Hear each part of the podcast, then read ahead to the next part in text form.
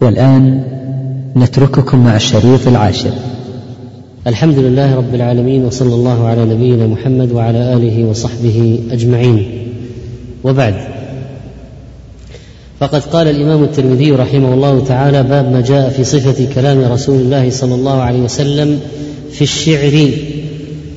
هل جاء في كلام شيء من الشعر؟ هل أنشد شيئا من الشعر؟ هل كان يستمع إليه؟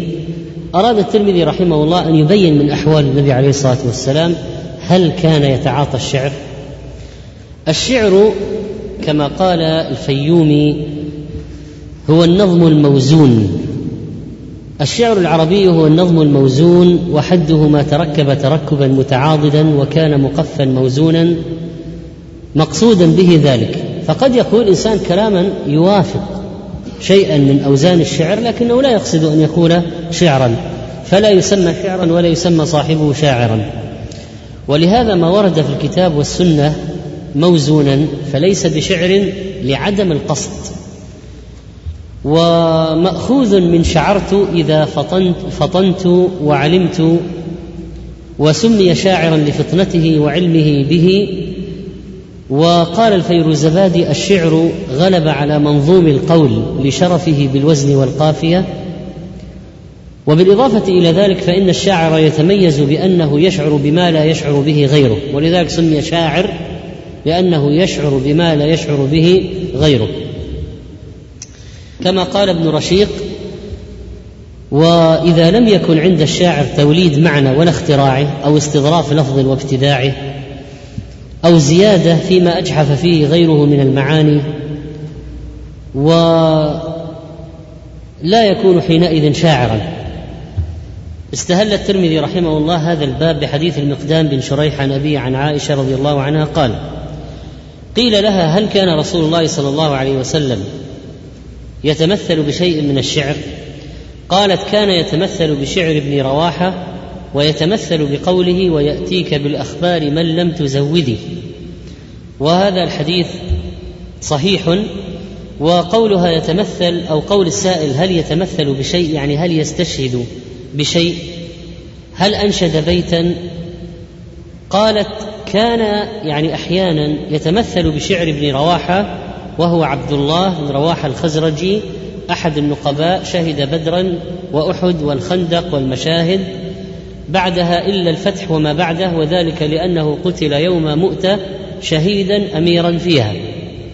فكان عليه الصلاة والسلام يعجبه شعر ابن رواحة فيتمثل به ويتمثل بشعر غيره كما تمثل بقول أخي قيس طرفة بن العبد البكري صاحب المعلقة المشهورة الذي قال في قصيدته ويأتيك بالأخبار من لم تزودي من التزويد وهو إعطاء الزاد والزاد طعام يتخذه المسافر وقوله ستبدي من الإبداء ستظهر لك الأيام ما كنت غافلا عنه وينقل لك الأخبار من لم تعطه الزاد. فهذا معنى البيت كما قال في تحفة الاحوذي وقال ابن عبد البر الحديث هذا فيه إجازة انشاد الشعر والتمثل به واستماعه وإذا كان رسول الله صلى الله عليه وسلم يسمعه وأبو بكر ينشده فهل للتقليد والاقتداء موضع أرفع من هذا؟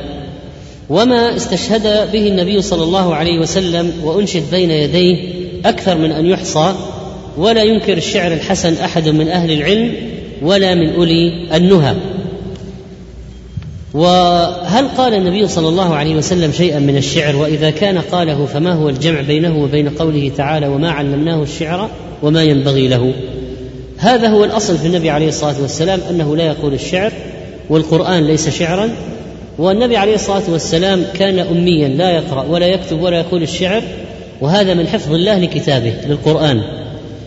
لأنه لو كان كاتبا لقالوا لو كان قارئا لقالوا إنه أتى بهذا القرآن من غيره قرا في الكتب وأتى بالقرآن لكن لا يقرأ ولا يكتب فمن أين جاء القران فلا بد أن يكون بوحي يوحى إليه. وليس هو بشاعر مع فصاحته ومع بلاغته عليه الصلاة والسلام ليس بشاعر. فإن القرآن أعلى من الشعر. أعلى من الشعر وأبلغ وأعظم. ولذلك فإن القرآن قد كان في حسه متغلبا على أي شيء آخر من الفصاحة عند العرب كالشعر لكن كان يسمع الشعر ربما يستشهد به وقد حاول الكفار أن يقولوا إن القرآن من الشعر وأن النبي عليه الصلاة والسلام شاعر. ومن ذلك من أسباب ذلك الكلمات الموزونة التي وقعت في القرآن ووجود وجود القوافي المتشابهة. يعني مثلا آيات كلها تنتهي بالواو والنون آيات تنتهي بالألف والتاء ونحو ذلك. فقالوا هذا شعر لكنهم كذبوا في ذلك لأنه من المعلوم أن للشعر أوزانا وبحورا وليس هذا على أوزان الشعر أبدا. والله عز وجل ذم الشعراء إلا طائفة منهم فقال عز وجل والشعراء يتبعهم الغاوون الغاوون الذين يتبعون الشعراء فيكون الشعر هذا فيه إغواء لهؤلاء. لماذا ذمهم؟ قال تعالى عنهم إنهم يقولون ما لا يفعلون. واستثنى طائفة الذين آمنوا وعملوا الصالحات وذكروا الله كثيرا وانتصروا من بعد ما ظلموا. وقد قال تعالى عن النبي صلى الله عليه وسلم وما علمناه الشعر وما ينبغي له. وقد روى أبو الش... وقد روى الشيخ أبو الليث السمرقندي في بستانه عن عائشة رضي الله عنها قيل لها أكان رسول الله صلى الله عليه وسلم يتمثل بشيء من الشعر؟ قالت كان أبغض الحديث إليه الشعر. غير أنه تمثل مرة ببيت أخي قيس طرف بن العبد فجعل آخره أوله. ستبدي لك الأيام ما كنت جاهلا ويأتيك بالأخبار من لم تزودي فقال ويأتيك من لم تزود بالأخبار. فقال أبو بكر ليس هكذا يا رسول الله. قال ما أنا بشاعر. يعني لما هو حاول لما أراد أن يأتي بالبيت كسر البيت انكسر معه البيت لأنه ليس بشاعر ولا يتذوق الشعر. ولذلك لما أتى أراد أن يروي البيت قال ستبدي لك الأيام ما كنت جاهلا ويأتيك من لم تزود بالأخبار. وعن أبي هريرة رضي الله عنه قال قال رسول الله صلى الله عليه وسلم إن أصدق كلمة قالها الشاعر كلمة لبيد. ألا كل شيء ما خلا الله باطل؟ من هو هذا الشاعر؟ لبيد. أصدق كلمة قالها الشاعر كلمة لبيد. ألا كل شيء ما خلا الله باطل وكاد أمية بن أبي الصلت أن يسلم. والحديث هذا أخرجه البخاري في كتاب فضائل الصحابة في باب أيام الجاهلية ومسلم في كتاب الشعر. النبي عليه الصلاة والسلام أثنى على عبارات صحيحة للشعراء. فقال أصدق كلمة قالها الشاعر. أصدق كلمة تكلمت بها العرب كلمة لبيد. ما هي هذه الكلمة؟ ألا كل شيء ما خلا الله باطل وكل نعيم لا محالة زائل وكل أناس سوف تدخل بينهم دويهية تصفر منها الأنامل. فقال أصدق كلمة قالها شاعر الشاعر كلمة لبيد ألا كل شيء ما خلا الله باطله ولبيد هو ابن أبي ربيعة العامري قدم على النبي صلى الله عليه وسلم سنة وفد قومه. وكان شريفا في الجاهلية والإسلام وقد نزل الكوفة ومات سنة 41 للهجرة. لبيد هذا من فصحاء العرب وشعرائهم رضي الله عنه. أسلم ولكن هذا البيت قالوا في الجاهلية قبل أن يسلم. أسلم وهو لبيد بن ربيعة بن عامر بن مالك العامري يكنى بأبي عقيل. وذكره في الصحابة البخاري وابن أبي خيثمة وقال لعمر لما سأله عما قاله من الشعر في الإسلام عمر يسأل لبيد بعد ما أسلم ماذا قلت من الشعر في الإسلام؟ قال قد أبدلني الله بالشعر سورة البقرة. أنا لما دخلت في الإسلام وقرأت القرآن القرآن طغى على شعري. طغى على شعري خلاص. أنا ما ما ولذلك هو فعلا القرآن أسكت الشعراء. أسكت الشعراء فلم يقولوا إلا قليلا. ولما ترى ما كانوا يقولون قبل نزول القرآن من معلقات والأبيات العظيمة فلما جاء القرآن آه، لأنه أعلى من الشعر انشغل الشعراء به. ولبيد أصلا كان في الجاهلية معمر. ولما جاء الإسلام أسلم ومات سنة 41 للهجرة فيكون عاش مئة وخمسين عاما. وهو القائل ولقد سئمت من الحياة وطولها وسؤال هذا الناس كيف لبيده؟ إذا يعني ومن يعش ثمانين حولا فلا أبا لك يسأل هذا عاش مئة وخمسين. والحديث فيه منقبة للبيد رضي الله عنه وأن هذه الكلمة كلمة حق ألا كل شيء ما خلا الله باطل؟ ومعنى باطل هنا يعني فاني ومضمحل. وقد قال تعالى كل من عليها فان. كل شيء هالك إلا وجهه سبحانه وتعالى. فكل ما عدا الله سبحانه وتعالى يفنى ويجوز عليه الذهاب والإضمحلال. أما الله عز وجل فإنه باق سبحانه. وأي شيء آخر يبقى ولا يفنى فإنما هو بإبقاء الله له. فإن قال قائل الجنة باقية والنار باقية والولدان مخلدون والحور العين نقول هذا بإبقاء الله لها. ولو أنه أراد أن يفنيها فنيت وذهبت واضمحلت. ولكنه قضى بأن تبقى الجنة والنار. وقوله في الحديث وكاد أمية بن أبي الصلت أن يسلم قارب الإسلام. أمية بالتصغير ابن أبي الصلت ابن أبي ربيعة الثقفي كاد أن يسلم لكثرة ما في شعره من حقائق الوحدانية. وكان متعبدا في الجاهلية من بين الخلائق وكان يتدين ويؤمن بالبعث. وأدرك الإسلام إلا أنه لم يسلم مع الأسف.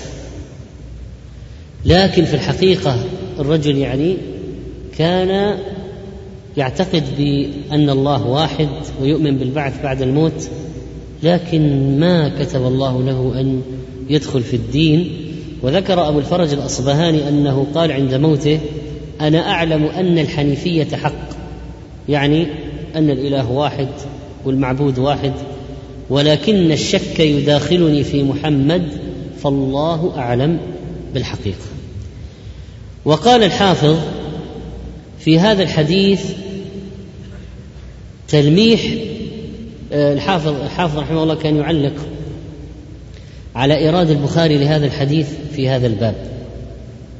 لأن البخاري قد أورد الحديث في كتاب فضائل الصحابة في باب أيام الجاهلية. و قال ابن حجر وفي إيراد البخاري في هذا الحديث وفي إيراد البخاري هذا الحديث في هذا الباب تلميح بما وقع لعثمان بن مضعون بسبب هذا البيت مع ناظمه لبيد بن ربيعة قبل إسلامه والنبي صلى الله عليه وسلم يومئذ بمكة وقريش في غاية الأذية للمسلمين. فذكر ابن إسحاق عن صالح بن إبراهيم بن عبد الرحمن بن عوف عمن حدثه وهذه جهالة في السند عن عثمان بن مضعون أنه لما رجع من الهجرة الأولى إلى الحبشة دخل مكة في جوار الوليد بن المغيرة فلما رأى المشرك المشركين يؤذون المسلمين وهو آمن رد على الوليد جواره يعني يريد أن يصبح عثمان رضي الله عنه أسوة بالآخرين من الصحابة. يعني هو أجاره واحد مشرك وحماه طيب وإخوانه الباقين المسلمين يعذبون ما في أحد يحميهم من قريش فذهب إلى الوليد ورد قال أرد عليك جوارك وأنت في حل الآن وغير أنت المسؤول عن حمايتي وبينما هو في مجلس لقريش وقد وفد عليهم لبيد بن ربيعة فقعد ينشدهم من شعره. لبيد ينشد قريشا وعثمان بن مضعون المسلم فيهم. فقال لبيد ألا كل شيء ما خلا الله باطل؟ فقال عثمان بن مضعون صدقت. فقال لبيد وكل نعيم لا محالة زائل؟ فقال عثمان كذبت نعيم الجنة لا يزول. قال لبيد متى كان يؤذى جليسكم يا معشر قريش؟ يعني هذا يتعدى علي يقول إني أنا كذبت. طبعا لبيد كان كافرا قريش كفار عثمان ما عنده أحد يحميه الآن فقام أحدهم فلطم عثمان فاخضرت عينه. فالوليد الكافر الذي أجاره من قبل لامه قال ليش رديت علي جواري؟ أنت رديت علي جواري؟ الآن ماذا حصل لك؟ قال قد كنت في ذمة منيعة. يقول الوليد قد كنت في ذمة منيعة. قال عثمان إن عين الأخرى لما أصاب أختها لفقيرة. قال عين الأخرى التي ما أصيبت فقيرة. تريد مثل الذي أصاب الأخرى العين, العين الأخرى. يعني أنه مستعد أن يتحمل في سبيل الله. قال الوليد عد إلى جوارك. قال بل أرضى بجوار الله تعالى. طبعا في قوة المسلمين في الرد وأن الواحد إذا يعني قيل أمامه الكلمة الباطلة ما يتحمل. بالرغم من أنه مستضعف هو واحد وهؤلاء جماعة ويضربون ولا يرقبون في مؤمن إلا ولا ذمة ولكن يصبرون.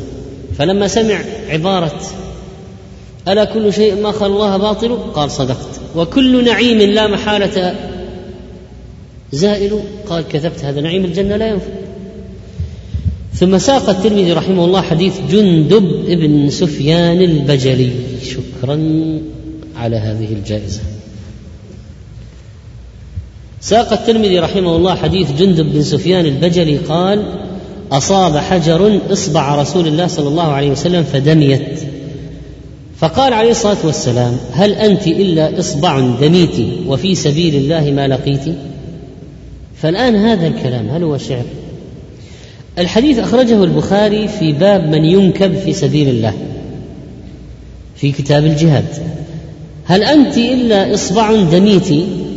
دميت دمي الشيء يدمى دما ودميا فهو دم.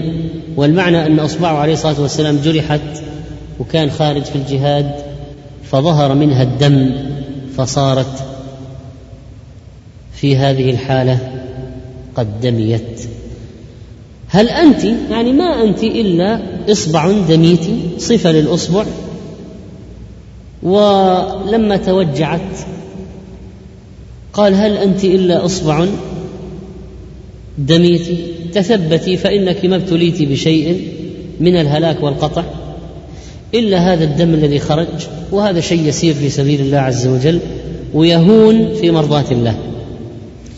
فيؤخذ من هذا البيت هل أنت إلا أصبع دميتي؟ وهذا ممكن أيضا نعلمه لأطفالنا لأن الأطفال إذا واحد شاف الدم تروع. هأله الأمر. فيؤخذ من البيت أو من هذا الكلام الذي قاله عليه الصلاة والسلام آه، عدم تهويل الأمور. عدم تهويل الأمور. فلما جرحت إصبعه فأوجعته قال هل أنت إلا إصبع دميتي؟ هل أنت إلا إصبع دميتي؟ فما قطعت ولا بد ما أصابك البتر والقطع كل المسألة جرح. فيؤخذ منه عدم تهويل الأمور. فكأنه يقول لنفسه لا تجزعي لا تخافي ما هذا إلا جرح يسير أصاب الإصبع. وفي سبيل الله ما لقيت يعني محسوب عند الله تعالى لا يضيع. وقد اختلفوا هل قاله النبي عليه الصلاة والسلام ابتداء أو قاله متمثلا به. يعني قاله آه، مستشهدا به من كلام غيره. أو أنه يعني لم يقصد الشعر.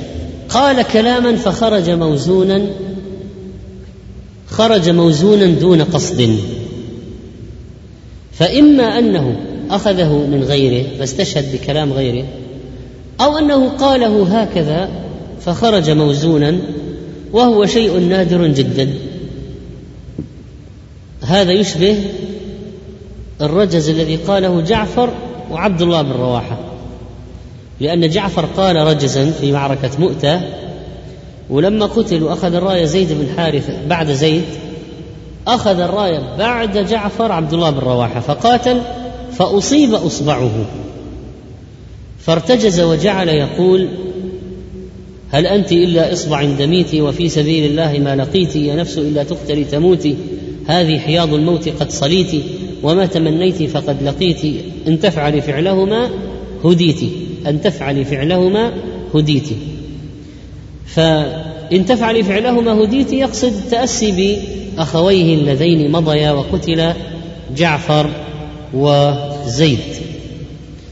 ثم قال الترمذي رحمه الله عن البراء بن عازب رضي الله عنه قال قال له رجل أفررتم عن رسول الله صلى الله عليه وسلم يا أبا عمارة؟ فقال لا والله. ما ولى رسول الله صلى الله عليه وسلم ولكن ولى سرعان الناس. تلقتهم هوازن بالنبل ورسول الله صلى الله عليه وسلم على بغلته.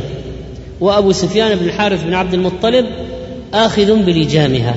ورسول الله صلى الله عليه وسلم يقول أنا النبي لا كذب أنا ابن عبد المطلب.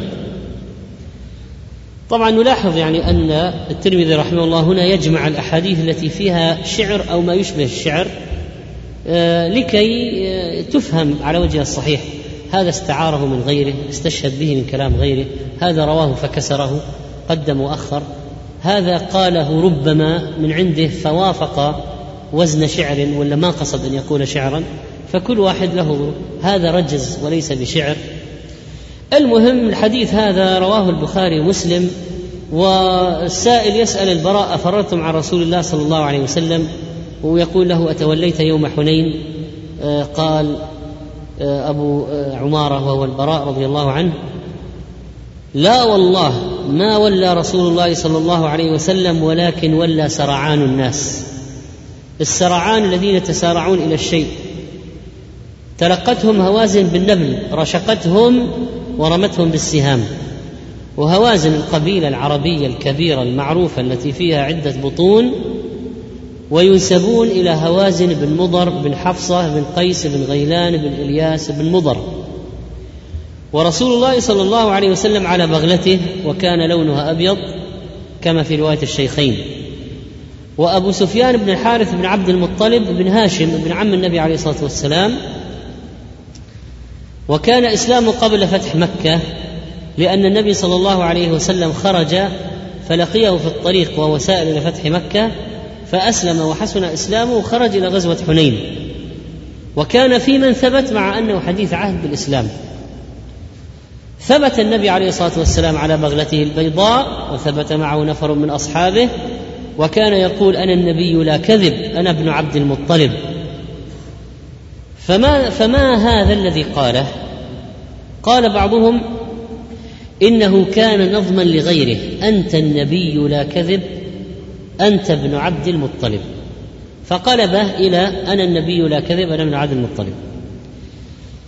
وقيل إن هذا رجز والرجز ليس من أقسام الشعر وهذا مردود لأنه يعتبر من أقسامه.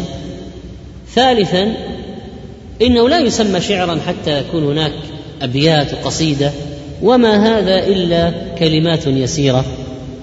رابعا وهو اعدل الأجوبة أنه خرج بغير قصد الشعر فصار موزونا فوافق وزنا للشعر وما وكان بغير قصد.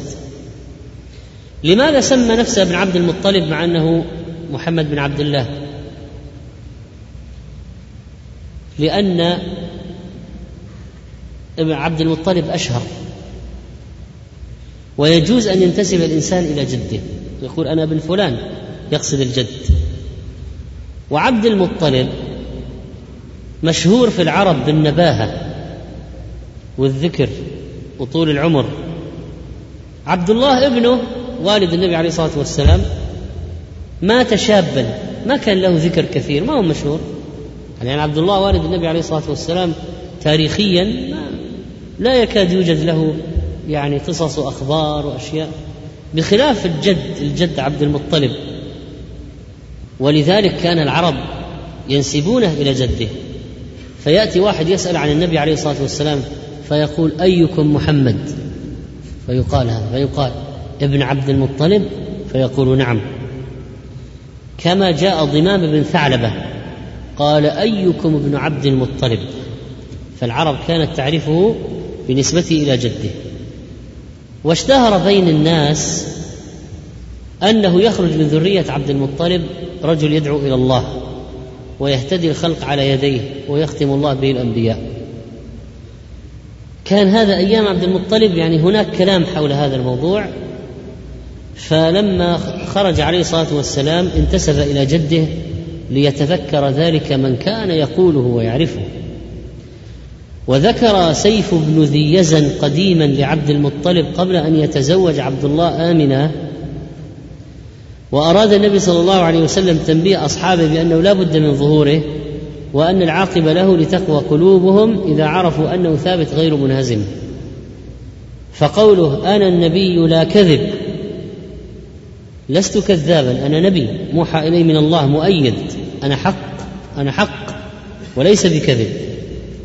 ولا يخذلني ربي. وأنا متأكد من وعد الله لي وأنه سينصرني. أنا النبي لا كذب. وأنا لا أفر. أنا ابن عبد المطلب. أنا هنا مكاني. من يعرفني فليأتني. وكان بسبب ثبات النبي عليه الصلاة والسلام عودة جيش المسلمين الذين فر وكثير منهم كانوا من مسلمة الفتح حديث عهد بالإسلام. أما القدامى الصحابة فكثير منهم قد ثبتوا. وعن أنس أن النبي صلى الله عليه وسلم دخل مكة في عمرة القضاء وابن رواحه يمشي بين يديه وهو يقول خلوا بني الكفار عن سبيله اليوم نضربكم على تنزيله ضربا يزيل الهام عن مقيله ويذهل الخليل عن خليله. فقال له عمر يا ابن رواحة بين يدي رسول الله صلى الله عليه وسلم وفي حرم الله تقول الشعر فقال صلى الله عليه وسلم خل عنه يا عمر فلا هي أسرع فيهم من نضح النبل. أخرجه الترمذي أيضا في كتاب الأدب من سننه وصححه الألباني.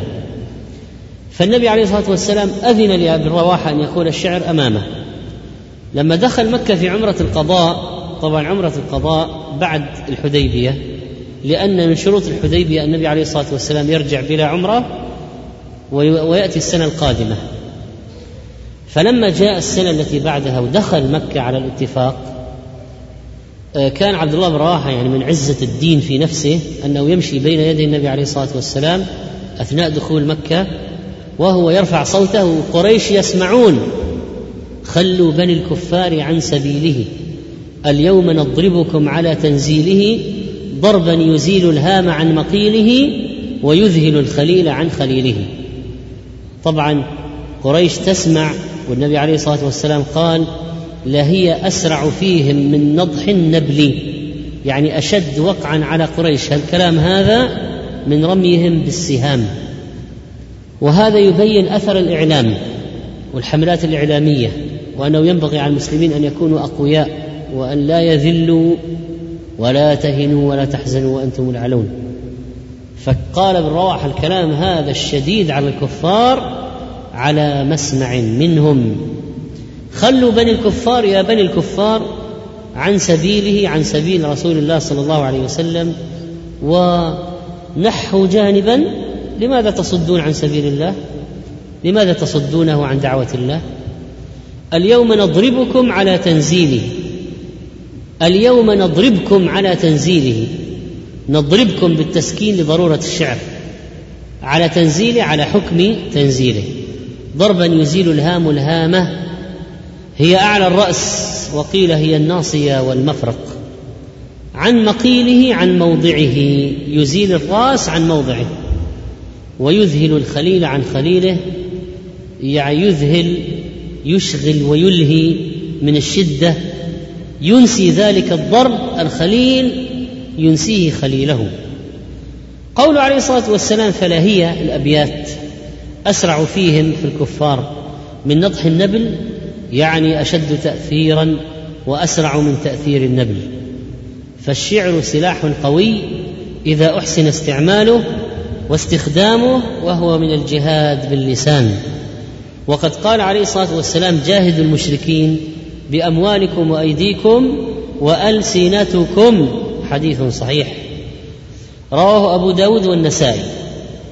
اذا ينبغي على المسلمين أن يهتموا بالحرب النفسية الإعلامية التي توهن من عزائم الكفار وتؤذي نفوسهم وتسبب لهم الكآبة والإحباط والذل والشعور بالهزيمة. سنأتي على بقية الباب بمشيئة الله تعالى في ما جاء في شعر رسول الله صلى الله عليه وسلم في صفة كلام الرسول صلى الله عليه وسلم في الشعر. باب ما جاء في صفة كلام رسول الله صلى الله عليه وسلم في الشعر. والله تعالى أعلم. الحمد لله رب العالمين والصلاة والسلام على نبينا محمد وعلى آله وصحبه أجمعين. وبعد. فقد عرفنا في الباب الذي عقده الترمذي رحمه الله في كتاب الشمائل بعنوان باب ما جاء في صفة كلام رسول الله صلى الله عليه وسلم في الشعر. تمثل النبي عليه الصلاة والسلام بشعر ابن رواحة ويأتيك بالأخبار من لم تزوده. وكذلك الجمع بين ما قاله النبي عليه الصلاة والسلام من بعض الأبيات وبين قول الله تعالى وما علمناه الشعر وما ينبغي له. وكذلك ثناء النبي صلى الله عليه وسلم على كلمة لبيد. ألا كل شيء ما خلا الله باطل وأن لبيد رضي الله عنه قد أسلم. وحديث هل أنت إلا إصبع دميت وفي سبيل الله ما لقيت. وأن النبي عليه الصلاة والسلام قالها يبين أن ما أصابه شيء يسير وأنه لا ينبغي تهويل الأمور ولا تضخيمها وحديث البراء رضي الله عنه في قول النبي عليه الصلاة والسلام أنا النبي لا كذب أنا ابن عبد المطلب. وفي حديث أنس أن النبي صلى الله عليه وسلم دخل مكة في عمرة القضاء. وابن رواحة يمشي بين يديه وهو يقول خلوا بني الكفار عن سبيله اليوم نضربكم على تنزيله. ضربا يزيل الهام عن مقيله ويذهل الخليل عن خليله. فقال له عمر يا ابن رواحة بين يدي رسول الله صلى الله عليه وسلم وفي حرم الله تقول الشعر؟ فقال صلى الله عليه وسلم خل عنه يا عمر. فلهي أسرع فيهم من نضح من نضح النبل. وقوله خل بني الكفار يعني يا أيها الكفار عن سبيل رسول الله صلى الله عليه وسلم تنحوا عنه واتركوه يدعو إلى الله. اليوم نضربكم بالتسكين ضرورة الشعر على تنزيله أي على حكم تنزيله ضربا يزيل الهام والهامة أعلى الرأس وهي الناصية والمفرق عن مقيله أي عن موضعه ويذهل الخليل عن خليله من الإذهال وعطف على يزيل أي ينسي ذلك الضرب الخليل عن خليله. والنبي عليه الصلاة والسلام وضح أن هذه الأبيات أثرها النفسي في الكفار أكثر وأشد أكبر وأشد من نضح النبل تؤثر تاثيرا أسرع من تأثير السهام. وهذا الشعر إذا استعمل استعمالا حسنا فإنه من نوع الجهاد باللسان. وقد قال عليه الصلاة والسلام جاهدوا المشركين بأموالكم وأيديكم وألسنتكم. قال وعن جابر بن سمرة رضي الله عنه قال جالست النبي صلى الله عليه وسلم أكثر من مائه مرة وكان أصحابه يتناشدون الشعر ويتذاكرون أشياء من أمر الجاهلية وهو ساكت وربما تبسم معهم. والحديث قد رواه الترمذي في سننه بالإضافة إلى روايته له في الشمائل فإنه قد أودعه في كتاب الأدب في باب إنشاد الشعر. وكذلك رواه ابن حبان في كتاب الحظر والإباحة باب الشعر والسجع وصححه الألباني. ومعنى يتناشدون أن ينشد بعضهم بعضا والإنشاد أن يقرأ شعر الغير. فإذا قال أنشد شعرا فهو ليس من شعره. فأنشد وذكر أبياتا فهي أبيات غيره وليست أبياتا له. لكن لو قال فأنشأ يقول أنشأ فهو الذي ابتدأها وهو الذي قالها.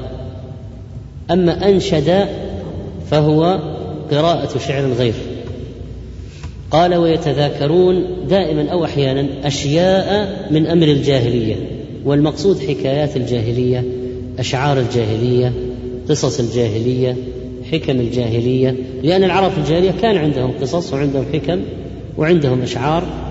وفيها فوائد فيها تجارب فيها أخبار. وليس المقصود من أمر الجاهلية يعني الفحش والتفحش لا.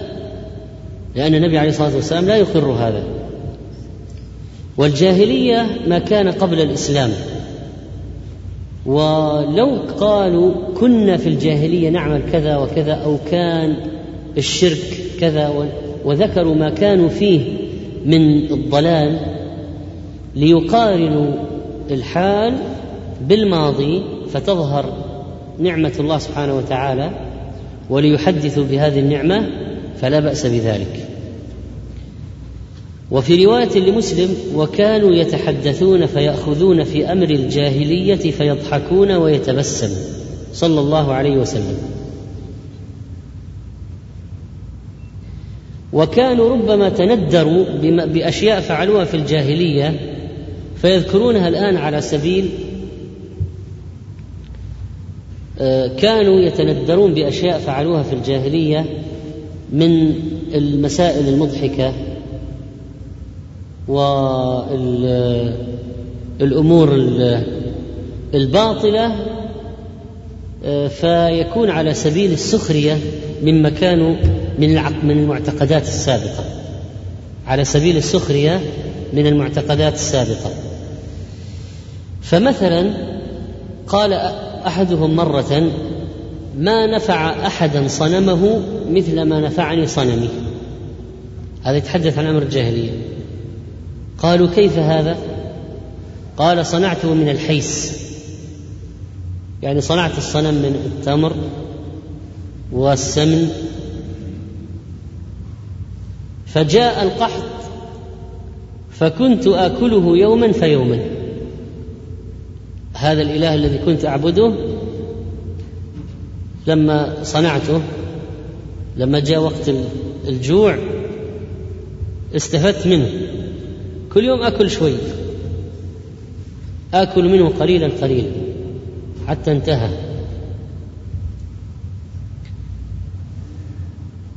وقال آخر رأيت ثعلبين جاء وصعد فوق رأس صنم لي وبالا عليه على الصنم. فقلت أرب يبول الثعلبان برأسه؟ فجئتك يا رسول الله وأسلمت. فكان الإسلام بسبب أنه شاهد ثعلبين يبولان فوق رأس إلهه الذي يعبده أو صنمه الذي يعبده. وانظر إلى إلهك الذي ظلت عليه عاكفا لنحرقنه ثم لننسفنه في اليم نسفا. والنبي عليه وقوله في الرواية وقوله في حديث جابر والنبي صلى الله عليه وسلم ساكت وهو ساكت يعني لا يمنعهم لحسن خلقه في عشرتهم وزيادة ألفتهم ومحبتهم ودفع الحرج عن المباح بناء على حسن نيتهم. لأنهم ما كانوا يذكرون ما حصل في الجاهلية على سبيل الإعجاب أو الحنين إلى الماضي أو آه الإقرار بما بما فعلوا وإنما من باب التندر والسخرية بما كان يحصل. والمقارنة بين حالهم الأول وحالهم الجديد فكأنهم يتحدثون بفضل الله عليهم ونعمته. قوله وربما تبسم معهم التبسم الضحك من غير صوت عرفناه والضحك مع صوت يسير والقهقهه مع صوت شديد.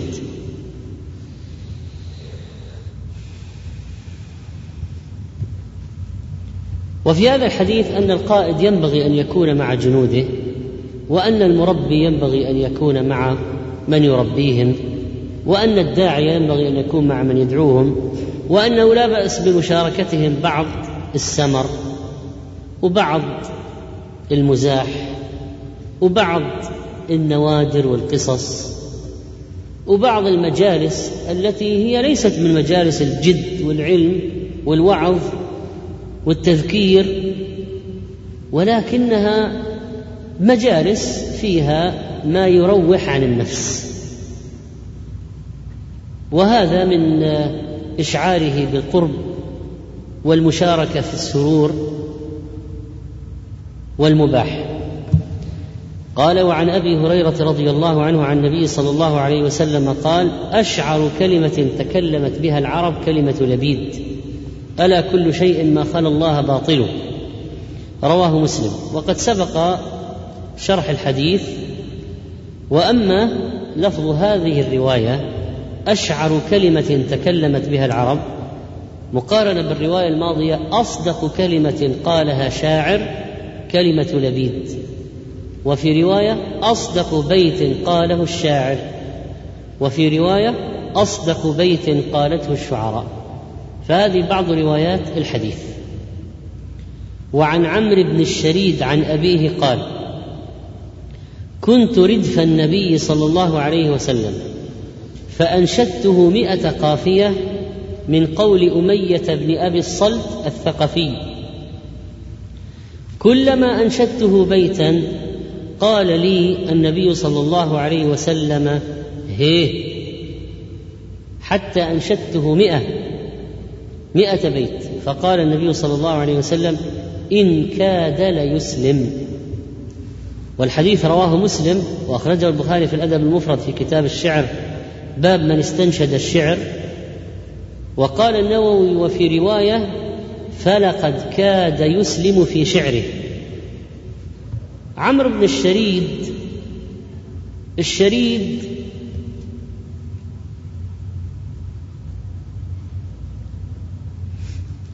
هو الصحابي إنه قال عن عمرو بن الشريد عن أبيه.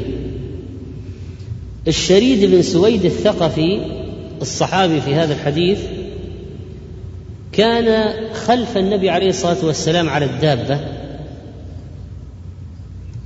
في السفر والنبي عليه الصلاة والسلام في الأسفار كان يمضي بعض الأوقات في السمر في السمر مع زوجاته وربما سمع شيئا من الشعر وعمرو بن الشريد والشريد رضي الله عنه الشريد رضي الله عنه أنشد النبي عليه الصلاة والسلام بيتا لأمية بن أبي الصلت. أمية بن أبي الصلت شاعر جاهلي لكنه كان يعرف الله وكان يعتقد بوحدانية الله لكن ما أسلم. يعتقد أن الله واحد وأنه لا شريك له وخلق فسوى وله أبيات جميلة في هذا. لكن ما كتب الله له الإسلام فسبق أن قلنا إنه مات وهو يشك في أمر النبي عليه الصلاة والسلام. ما آمن به. النبي عليه الصلاة والسلام لما أنشده الشريد بعض أبيات أمية جعل يقول بعد لما أنشده بيتا يقول هيه يعني زدني. هيه زدني وأصل الكلمة إيه للاستزادة. وكذلك تصلح أن آه، تطلق على الاستزادة من قول أو عمل وليس فقط من القول. وقد يقول إيهن حدثنا يعني زدنا في الحديث. إيهن يا ابن الخطاب. والنبي عليه الصلاة والسلام لما قال هيه للشريد يقصد الاستزادة لأنه استحسن شعر أمية وأعجبه ما فيه من الإقرار بالوحدانية والبعث وهي من الأمور التي كانت قريش والعرب يكفرون بها يكفرون بالوحدانية والبعث. وفي الحديث جواز إنشاد الشعر الذي لا فحش فيه وجواز سماعه والاستزادة منه سواء كان من شعر الجاهلية أو غيره. والشعر حسنه حسن وقبيحه قبيح. ولا بأس بسماعه وحفظه ولكن لا يجعله شغله الشاغل. وقد روى الفاكهي وابن مندة من حديث ابن عباس أن الفارعة بنت أبي الصلت أخت أمية الشاعر أتت النبي صلى الله عليه وسلم فأنشدته من شعره فقال آمن شعره وكفر قلبه. الرجل شعره شعر آه، موحدين لكن ما أسلم. آمن شعره وكفر قلبه. وعاش أمية حتى أدرك وقعة بدر لكن ما كتب الله له الإسلام. ولذلك قيل إنه رثى قتلى بدر من قريش من المشركين. ومات أمية بعد ذلك سنة تسع وقيل مات سنة ثنتين من الهجرة. وذكر ابن هشام أن أمية قدم من الشام على أن يأخذ ماله من الطائف ويهاجر إلى المدينة فنزل في طريقه ببدر. قيل له أتدري من في القليب؟ قال لا. قيل فيها عتبة وشيبة وهما ابن خالك وفلان وفلان وفلان من أصحابه الذين كان يعرفهم وهؤلاء قتلوا في السبعين من المشركين في بدر فلما يعني كثر عليه سماع هذه الأخبار المحزنة ممن قتلوا شق ثيابه وجدع ناقته وبكى ورجع إلى الطائف فمات بها. فلم يكتب الله له الإسلام ولكن كاد كاد أن يسلم. في ناس يكاد الواحد منهم يهتدي ثم لا يهتدي. يكاد الواحد يسلم ثم لا يسلم. يقارب ولكن لا يحصل له. قال وعن عائشة رضي الله عنها قالت كان رسول الله صلى الله عليه وسلم يضع لحسان بن ثابت منبرا في المسجد يقوم عليه قائما. يفاخر عن رسول الله صلى الله عليه وسلم أو قالت ينافح عن رسول الله صلى الله عليه وسلم. وأخرجه الترمذي في سنن في كتاب الأدب باب إنشاد الشعر. وأخرجه الحاكم في المستدرك كتاب معرفة الصحابة باب ذكر مناقب حسان. وصححه الألباني في سلسلته. وقوله يضع لحسان منبرا في المسجد يعني يأمر بوضع المنبر المكان الذي يرتقى عليه. وحسان هو بن ثابت أنصاري خزرجي شاعر رسول الله صلى الله عليه وسلم. وهو من فحول الشعراء. وقد أجمعت العرب على أنه أشعر أهل المدر. كان لأن هناك هناك أهل الوبر في الصحراء وأهل المدر في البلدان. كان يقوم على هذا المنبر ينشد الشعر وهذا استدل به على جواز إنشاد الشعر في المسجد. وذلك إذا اشتمل على مدح الإسلام. وعلى العلم وعلى المعاني الشرعية وعلى الوعظ والتذكير. وكثير من من المسائل العلمية نظمت في أبيات ومتون. كان حسان رضي الله عنه يقوم يفاخر عن رسول الله صلى الله عليه وسلم يعني يذكر مفاخر النبي صلى الله عليه وسلم. يمدح الإسلام ويهجو المشركين. كان ينافح يعني يدافع عن النبي صلى الله عليه وسلم ويذكر مثالب الكفار ويهجوهم ويرد عليهم. فمثلا لما هجأ أبو سفيان بن الحارث النبي عليه الصلاة والسلام قبل أن يسلم أبو سفيان الحارث لأنه أسلم بعد ذلك قام حسان يدافع ويرد على أبي سفيان الحارث كما قال ألا أبلغ أبا سفيان عني فأنت مجوف نخب هواء. هجوت محمدا فأجبت عنه وعند الله في ذاك الجزاء. أتهجوه ولست له بكفء فشركما لخيركما الفداء. وقال النبي عليه الصلاة والسلام إن الله تعالى يؤيد حسان بروح القدس. يعني بجبريل عليه السلام. يؤيد حسان بروح القدس.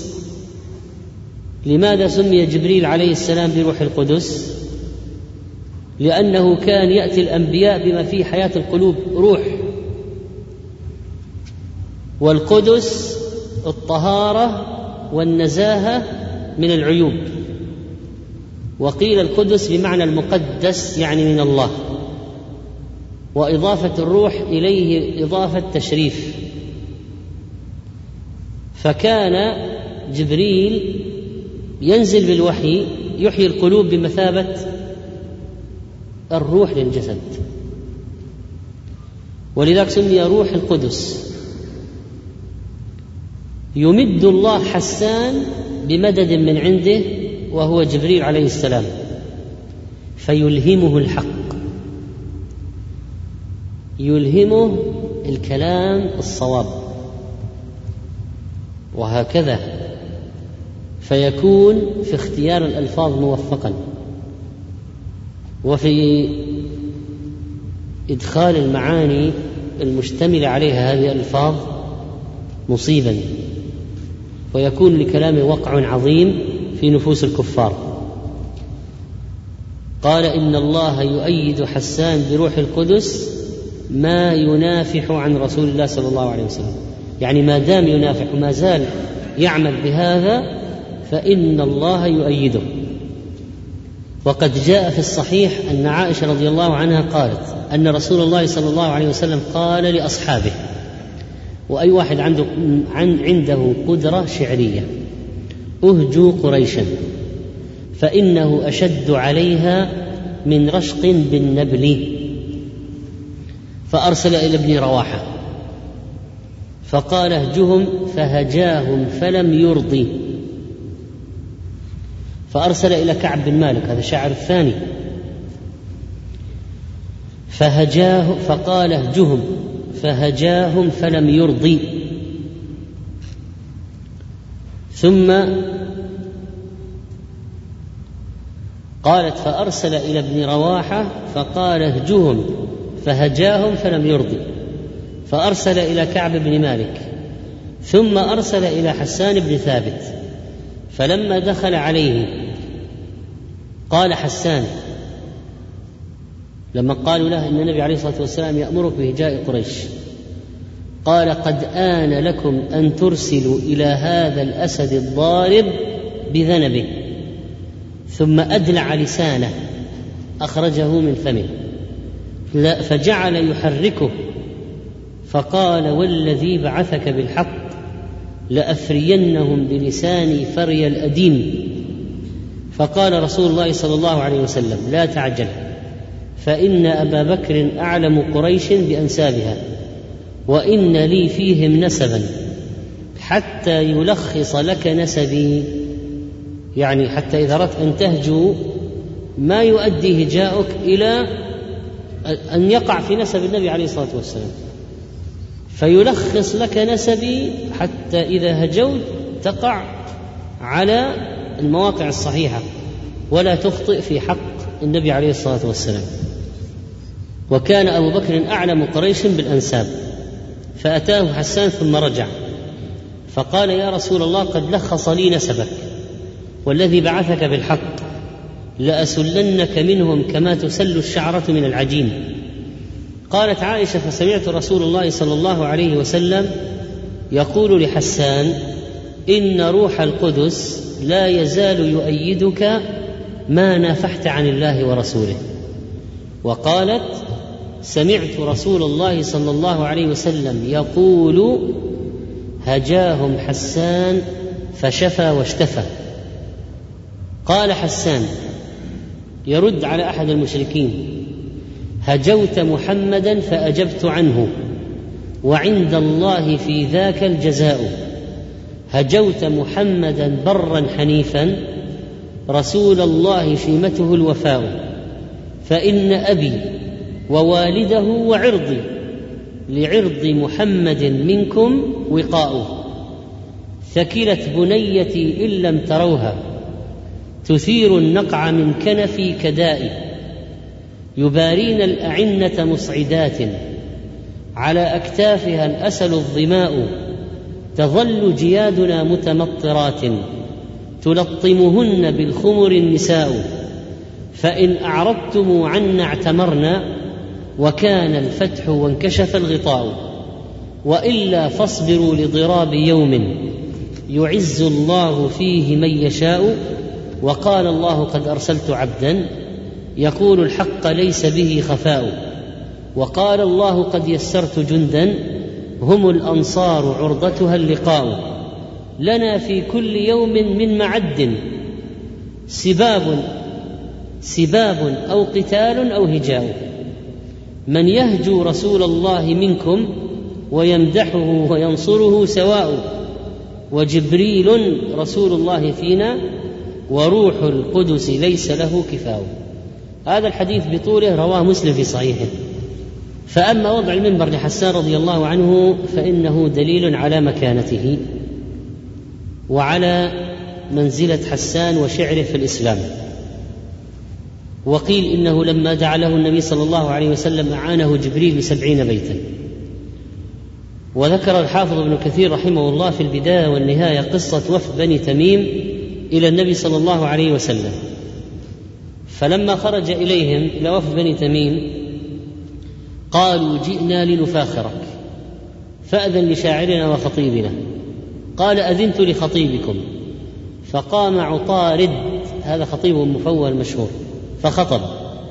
فقال رسول الله صلى الله عليه وسلم لثابت بن قيس بن شماس قم فأجب الرجل. فقام ثابت فخطب وأجابه. وقام الزبرقان بن بدر فقال نحن الكرام فلا حي يعادلنا منا الملوك وفينا تنصب البيع وكم قصرنا من الأجياد كلهم عند النهاب وفضل العز يتبع. ونحن يطعم عند القحط مطعمنا. من الشواء إذا لم يؤنس القزع. إلى أن قال انا أبينا ولم يأب لنا أحد أنا كذلك عند الفخر نرتفع. في أبيات ذكرها يفاخر. فقال رسول الله صلى الله عليه وسلم لحسان قم فأجب الرجل. فقام فقال إن الذوائب من فهر وإخوتهم. قد بينوا سننا للناس تتبع. يرضى بها كل من كانت سريرته. تقوى الإله وكل الخير يصطنع قوم إذا حاربوا ضروا عدوهم أو حاولوا النفع في أشياعهم نفعوا. سجية تلك منهم غير محدثة. إن الخلائق فاعلم شرها البدع. إن كان في الناس سباقون بعدهم فكل سبق لأدنى سبقهم تبع. إلى أن قال لا يبخلون على جار بفضلهم ولا يمسهم من مطمع طبع لا يفخرون إذا نالوا عدوهم وإن أصيبوا فلا خور ولا هلع. نسمو إذا الحرب نالتنا مخالبها إذا الزعانف من أظفارها خشعوا قام الزبرقان وقال أتيناكم كيما يعلم الناس فضلنا إذا احتفلوا عند احتضار المواسم. فإنا ملوك الناس في كل موطن وأن ليس في أرض الحجاز كدارم وإنا نذود المعلمين إذا انتخوا ونضرب رأس الأغيد المتفاخم وأن لنا المرباع في كل غارة تغير بنجد أو بأرض الأعاجم. فاجابه حسان رضي الله عنه هل المجد إلا السؤدد العود هل هل المجد إلا السؤدد العود والندى؟ وجاه الملوك واحتمال العظائم. نصرنا وآوينا النبي محمدا على انفراض من معد وراغم. إلى أن قال هبلتم علينا تفخرون وأنتم لنا خول ما بين ظئر وخادم.